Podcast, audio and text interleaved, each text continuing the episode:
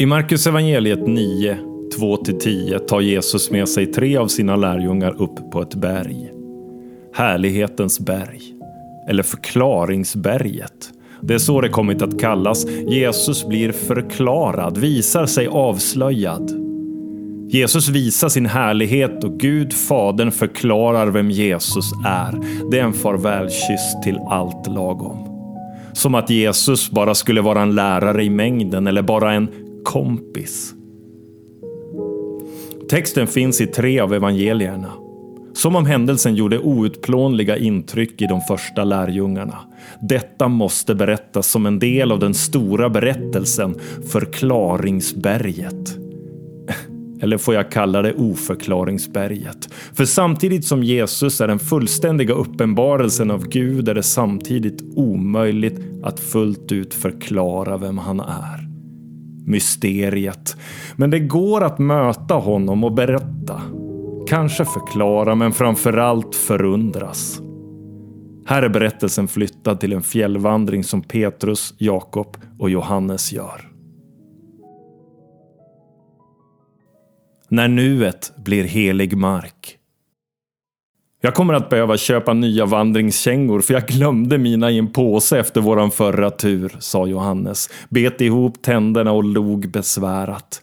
De var helt genommögliga när jag hittade dem i påsen efter några månader.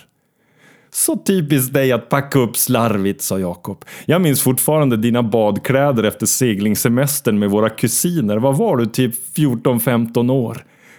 Du skulle ha varit med Petrus, fortsatte Jakob. Johannes glömde påsen med badkläder i ett ytterfack på sin stora bag. Han lånade badshorts av mig resten av den sommaren för hans var borta och när vi skulle iväg på höstlovet hittade morsan påsen med sommarens shorts. Alltså allvarligt, påsen kröp rakt ner i soporna, skrattade Jakob och tittade på sin försvarslöse lillebror. Du hinner skaffa nya kängor, skrattade Petrus. Det är första helgen i augusti som det blir av, ifall ni kan då. Jesus var väldigt mån om att vi alla tre skulle hänga på. Petrus och Jakob hade träffats på en bibelskola för flera år sedan. Det var ett omvälvande år för dem båda. Tron hade fått fäste på djupet. Barnatron hade gallrats, det barnsliga fallit bort och kvar blev en barnlik förankring i Faderns kärlek. Hjärtan hade satts i brand för Gud. Det var starten på livslång vänskap, en vänskap som fötts ur lika delar gudsmöten, ärliga samtal och funderingar om livet, sena kvällar i filmsoffan med superhjältar och passionen för friluftsliv. De blev några slags Guardians of the Galaxy i Jesu namn, verklighetens hjältar. Fötterna på jorden, men därunder glimmade rustningarna. På många områden var de varandras motsatser. Petrus var storväxt, tog ofta plats och hördes. Det var samtidigt så naturliga drag i honom att det inte upplevdes presterat eller störigt. Då hans EQ nästan slog i taket fick han andra att växa och känna sig älskade. Petrus var omsorgsfull och osjälvisk. Han var också självsäker och verbal. Det var kombinationer som ibland var ytterst lyckade, men ibland lite problematiska då inte övriga världen visste hur de skulle hantera hans sanningssägande och tydliga åsikter. Jakob var betydligt mindre än Petrus, i alla avseenden. Han var kortväxt och mer försiktig. Han var eftertänksam och hade sällan uppslag för samtalsämnen vid frukostfikat på jobbet. Större grupper än fyra gjorde ofta att Jakob försvann. Alltså han var ju kvar ytterst närvarande, men han hann inte riktigt med alla kvicka kommentarer eller att inflika någon egen anekdot. Han tänkte mer än andra och betydligt mer än Petrus. Petrus pratade mer än andra och tänkte oftast efter för sent. Och där är skärningspunkten mellan eftertänksam förmåga att se saker från olika håll och hastigheten i orädd polarisering hade de hittat varann. Bröder på djupet.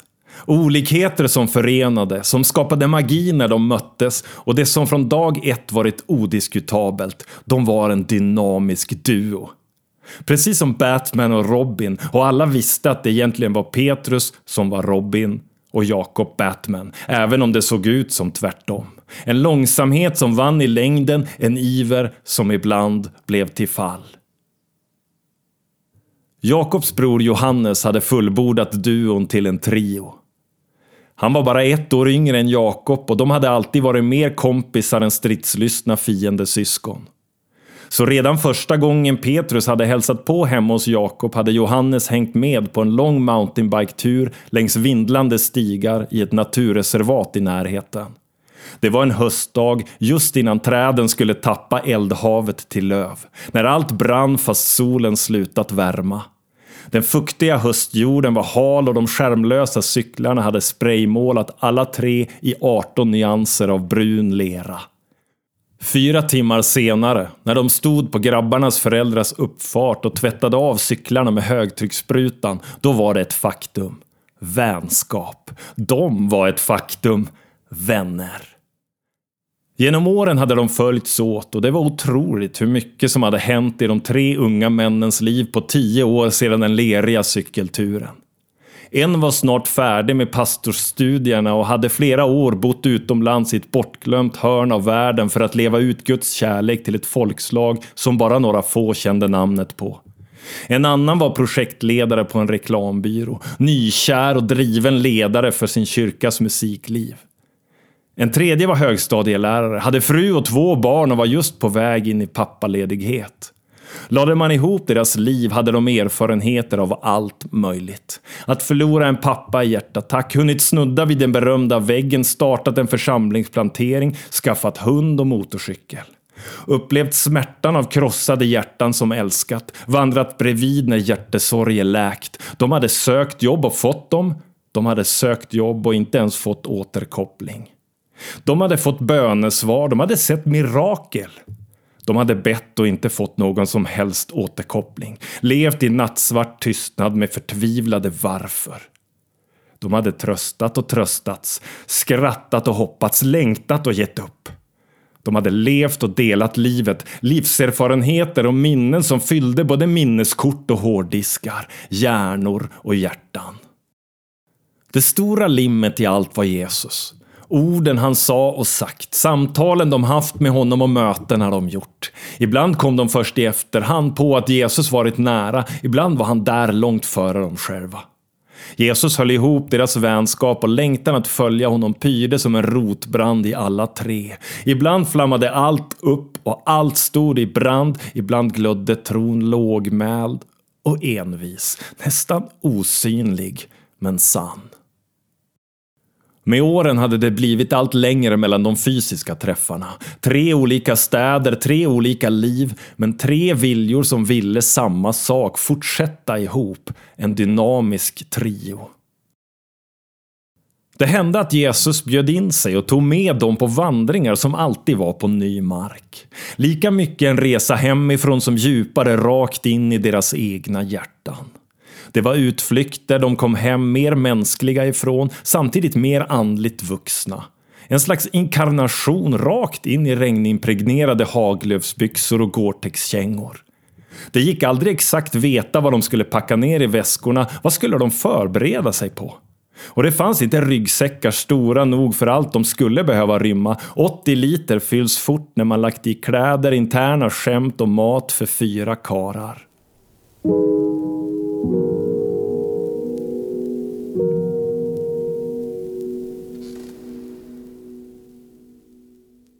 Vandringen. Om ni inte vore med skulle jag inte vara säker på att detta händer, sa Johannes och nöp sig övertydligt i armen. De skulle när som helst kliva av tåget. Det hade blivit i början av augusti. Det är den här känslan innan. När det är bra att ha med något som man vet att det faktiskt händer. Det är liksom mer syre än vanligt i luften, avslutade han. Har du blivit poet eller? Småskrattade Jakob och puttade sin lillebror framför sig i den trånga tågkorridoren. Bromsarna trummade och tjöt och snart stannade tåget med ett ryck. Till en av fjällvärldens mer avlägsna hållplatser kunde man ta tåget rakt ut i härligheten. Där släpptes vandringssugna stadsbor av rakt ut i ingenstans och det var där de tre hjältarna nu befann sig. Här kunde man bli hämtad till någon avlägsen fjällstation eller kliva på vandringsleder i närheten. Här fanns alla möjligheter. Förutom wifi, vatten, toalett och klumpen i magen inför att pitcha ett riskfyllt projekt för chefen. De stora ryggsäckarna med fastspända liggunderlag och regnskydd trasslades ut genom de smala tågdörrarna och doften av brända tågbromsar osade. Rallarrosorna stod i vakt och sommarluften var hög och klar. Det var löjligt vackert och Petrus kände hur lyckan vällde upp inom honom. Alltså, man är här för sällan grabbar. Han ställde ner ryggsäcken mot stationshusets vägg. Ett stationshus som bara tack vare kraftiga subventioner och bidrag fortfarande stod kvar. Färgen flagade på väggarna men det gamla stationshuset var utrustat med digital tidtabell på en platt skärm. Kontraster och bevis på att tiden både stod stilla och rusade framåt även här. Fyra tyska vandrare som också tagit tåget mot friheten. De hade bara landat med kängorna på den av tiden tuggade perrongen innan de tog sikte mot den stora orienteringsskylten intill stationshuset. Av alla fastsydda märken på ryggsäckarna att döma var de inte på någon jungfrufärd eller meddragna i någon fjällvandringsboom. De verkade också veta målet för sitt besök och snart hade de försvunnit rakt ut i generös allemansrätt. Tåget startade sin avfärd med ett ryck och rullade iväg. Snart var en nyfiken humla och vinden i trädkronorna allt ljud som omgav grabbarna intill stationshuset. Tre vänner, en sliten stationsbänk utan armstöd. Lycka.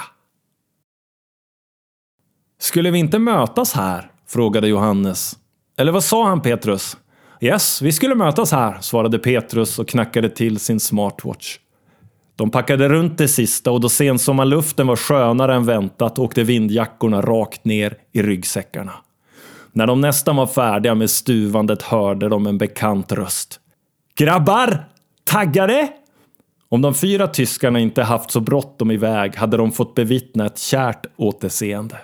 Hur Jesus kramade om brorsa för brorsa, skratten och känslan av samhörighet, förväntan och det omtalade innan. Känns det inte som om det är mer syre i luften än vanligt? frågade Jesus och drog åt höftbandet på sin dovgröna ryggsäck. Första eftermiddagen, kvällen, natten, morgonen och dagen gick i sitt makliga fjällturstempo. Där allt tar längre tid än man tror, men där det inte gör något. Där det är hela grejen. Att tiden äter upp sig själv och slutar sätta agendan. När vandringen i sig är målet och det egentligen inte spelar någon roll om man kommer fram, när man inte ens vill komma fram, för då är man redan på väg hem igen. De hade nått trädgränsen och passerat den. Denna märkliga nivå där inget orkar växa sig högre än ris i knähöjd. Dit inga knotiga träd tar sig förbi. Där det mesta kapitulerar men där vidderna börjar. När man ser längre än förut och myggorna steg för steg blir färre.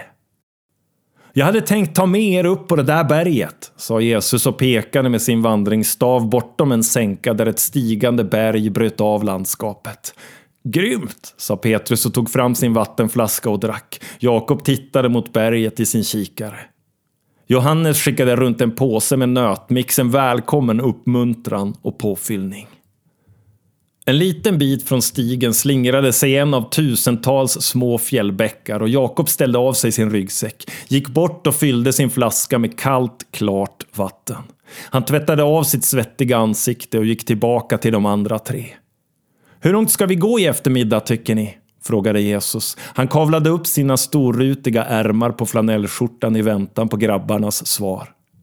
Lunchstoppet innan blev lite väl långt, så jag tycker vi traskar på en bit upp på bergssidan, föreslog Petrus och sökte Johannes blick. Absolut. Det, det, är ju här uppe det känns mer på riktigt, sa Jakob, lyfte på kepsen och strök handen genom sin svettiga lugg. Då gör vi så här, sa Jesus och Johannes kom på sig själv att känna sig fullkomligt överlycklig för att någon annan än han behövde bestämma. Att det var Jesus som var projektledaren här och inte han själv. Att han inte stod på kontoret och stirrade in i ett zoomrum utan stod i grovsulade vandringskängor på en fjällsida. Innan hade blivit nu. Vi går några kilometer till, över sänkan och upp till en fin plats som ligger en liten bit upp på bergssidan. Där slår vi läger, gör upp eld och får en skön kväll.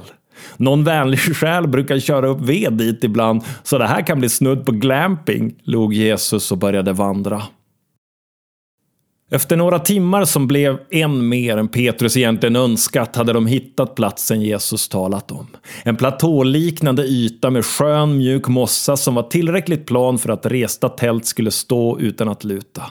Det fanns en liten eldstad och runt den några stenar som bildade sittplatser. Den vänliga själen verkade ha gjort vedleveransen även denna gång, för i en avlång trälåda med spännlås låg torr ved och väntade. Det här blir perfekt, log Jesus, ställde av sig ryggsäcken och de andra tre gjorde likadant. Inte långt bort sökte sig en fjällbäck ner längs bergssidan och den breddades lite vilket bildade en iskall men uppfriskande naturpool där tre superhjältar och en mästare ogenerat badade av sig dagens vandringsmöda. Efter torra kläder på kroppen, friluftslagad pastasås i magarna och svartkokat kaffe i kåsorna satt de i en halvcirkel och tittade ut över fjällandskapet. Långt borta till höger såg de tre vilsna renar ströva iväg. Solen som inte hade några planer på att gå ner fick allt att bada i guld. Det var tyst. Det var vackert. Det var timmar av samtal och gemenskap. I kapp med de sena timmarna kröp allt mer ärlighet fram i samtalen med Jesus. De ställde frågor, han gav svar, han ställde motfrågor och fick dem att tänka på sådant de aldrig hann tänka på när vardagen gick i 180. De skrattade åt minnen, de torkade en tår i ögonvrån åt andra. Det var som om det inte fanns någon bortre gräns, ingen horisont. Även om nattmörkret aldrig infann sig blev det en antydan till skymning och när Jesus petat maraboudainbitar i bananer och virat in dem i folie och lagt dem på glödbädden hade han satt sig mellan Jakob och Johannes. Vad säger ni grabbar, ska vi be? Jakob och Johannes kände båda att det vore det mest självklara att avrunda sommarens bästa dag på det sättet. Samtidigt infann sig en tvekan inför hur man bad till Gud när Jesus satt en meter bort. Petrus satt på huk med en tunn pinne i handen och försökte gräva ner foliebananerna lite djupare i den för snabbt avtagande glöden. Jag vill att vi ska tacka för oss, sa Petrus. Det vi har ihop, det vi har blivit. Att vi fyra är ett sånt gäng, Det är bästa kompisar. Om man nu har bästisar när man är 30 småskrattade han och tittade mot Jakob, Jesus och Johannes. Då flammade det till i glöden. Som om en kvällsbris från ingenstans flämtat till. Glöden blev illröd och de röda heta nyanserna rullade fram och tillbaka i den lilla eldstaden. Det lätt avslagna kvällsljuset mättades på ett obeskrivligt vis och luften blev tjockare. Va, vad händer? Viskade Petrus och satte sig ner på sin kvadratiska liggunderlagsbit. Johannes spärrade upp ögonen och lyfte högerhanden och pekade mot bergsluttningen. Kolla! viskade han intensivt. Kolla Jakob! Hans pekfinger darrade och ansiktsuttrycket var uppspärrat. Längs bergssidan välde det fram rök. Det gick inte förklara bättre eller enklare än så. Rök. Ljusgrå, nästan vit böljande rök flödade ner från bergets sida. Som om det kom uppifrån, högre upp på berget. Nästan från himlen. Röken dansade fram, välde ner och liknade en rasande lavin. Det var som om Jesus fötter hade fattat eld. Som om glöden från den lilla eldstaden krypit över sina begränsningar och tänt eld i skosnörena. Glöden åt sig sakta upp längs sömmarna i vandringsbyxorna och snart var varje tråd i hans knäförstärkta haglöfsbyxor illröda. Glöden rann ut över tyget, allt dränktes av ett susande, vinande ljud. Petrus tänkte direkt på hans pappas svetsaggregat i verkstaden. Ljudet när han brukade skära i metall och lågan var så het att den blev blå. Ljudet av total och sylvass värme. Röken fortsatte att rulla ner längs bergets sluttning och de stora bumliga bolliga rökrullarna staplade sig på varandra. Både från glöden på Jesus byxor och från rökmolnen strålade en värme som på en sekund skapade en längtan i grabbarna. De drogs till den. Allt gick för fort för att förklara eller förstå men närvaron i fenomenet hade en magnetisk dragningskraft De ville ha mer. De ville omfamna och fånga det. De ville ha alltihop som hände. Glöden kröp sakta men beslutsamt upp över Jesus midja och överkropp. Flisjackan som tittade fram ur hans öppna vindjacka slukades och snart brann båda jackans ärmar i samma blåröda upphettade rena sken. Johannes hade genom åren fascinerats enormt över animationer och visuella effekter i alla de superhjältefilmer han sett.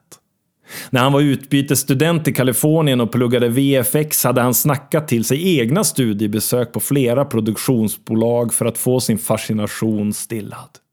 Men alla programmerade digitala ettor och nollor föll pladask i jämförelse. Allt han var med om nu fick Marvel-animationer att framstå som en fårutställning på barnens förskola. Där treåringarna målat kottar och hängt i fisketrådar. Upplevelsen och härligheten nu övertrumfade allt han sett. Han var helt mållös. Eldsglöden hade nu klättrat upp över kragen på Jesus fliströja. Hans gamla slitna rödkantade snusnäsduk flammade till utan att brinna upp och snart var hela ansiktet skinande. Ljuset var starkare än solen och Jakob kastade sig bakåt för värmen som slog ut från Jesus kropp och ansikte. Ansiktet sken med ett klart vitt rent ljus som gjorde att Jesus ögon och ansiktsdrag knappt gick att urskilja längre och de glödande kläderna förändrades. De limmade sömmarna i den tunna jackan blev vita och samma vassa lysande vita sken dränkte snart hela Jesus kropp. Till och med de grova sulorna på kängorna var kritvita. Hela han var vitare än klorin skulle kunna bleka något. Vitare än vit. Det var som om molnet fyllde sina lungor. För ur rökmolnet hörde de plötsligt ett tungt, ofantligt andetag. Jakob fortsatte backa från Jesus och höjde händerna för att ta skydd för det bländande klara vita skenet som strålade från Jesus kläder och ansikte. Det var som att titta in i solen. Johannes hade kastat sig ner på marken ett par meter från Jesus. Han låg blickstilla med ansiktet mot marken, ner i mossan. Övermannad, överkörd. Plötsligt kom två män ut ur molnet som vid det här laget var flera våningar högt. Männen gick fram emot Jesus och Petrus fick en känsla av att det måste vara några viktiga personer från förr. De började prata med Jesus, men det intensiva suset från molnet och det bländande brinnande vita ljuset gjorde det omöjligt för honom att uppfatta vad männen och Jesus pratade om. Petrus tittade mot Jakob. Han hade stapplande backat ytterligare en bit, snubblat över Trangia-köket och matpåsen och satt på marken med huvudet begravt i händerna. Som om han tog skydd. Som om han inte ville vara någon annanstans. Det varma molnets andetag tryckte neråt och fick djungeln att varsamt vaja. Och Jesus ansikte var konturlöst av det kraftiga skenet.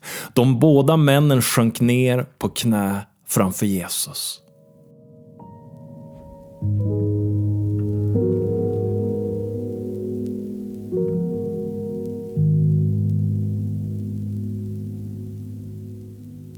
Ibland ska man bara vara tyst.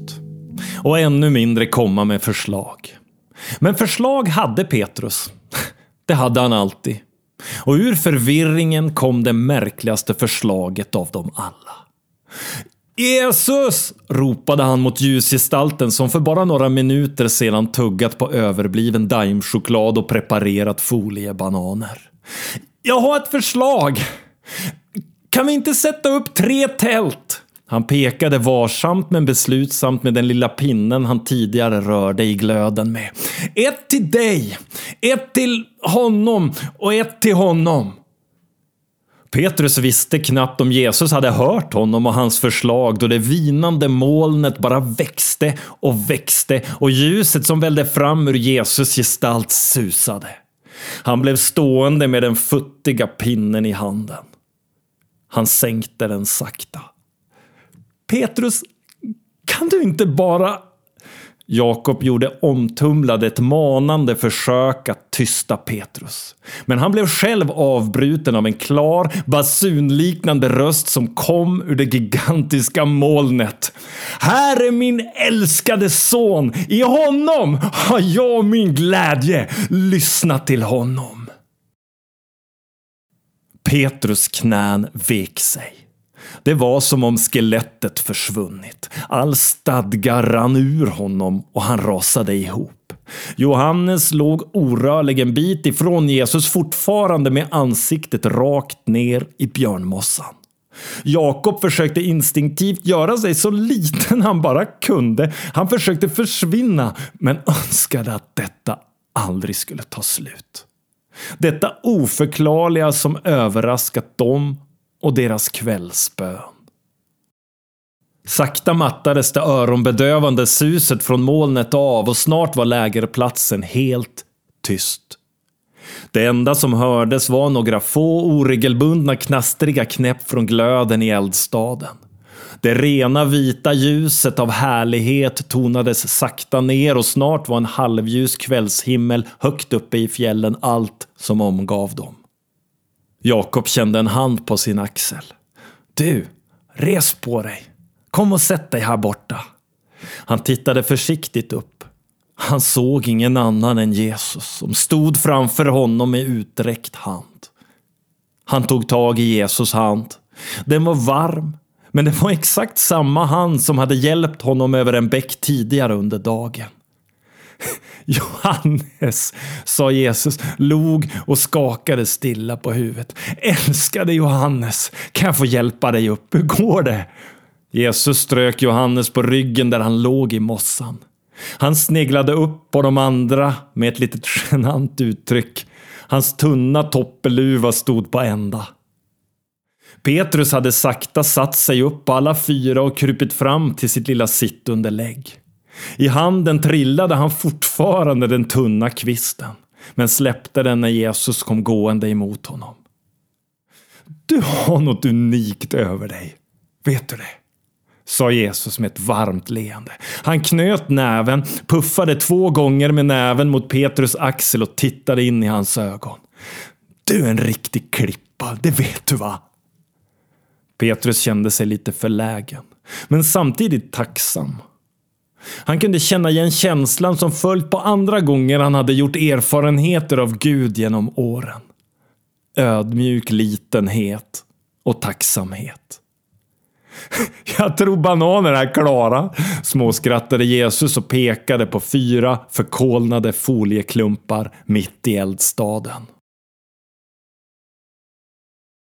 Nästa morgon efter frukosten satt Petrus vid bäcken och diskade envis havregrynsgröt ur trangiagrytorna.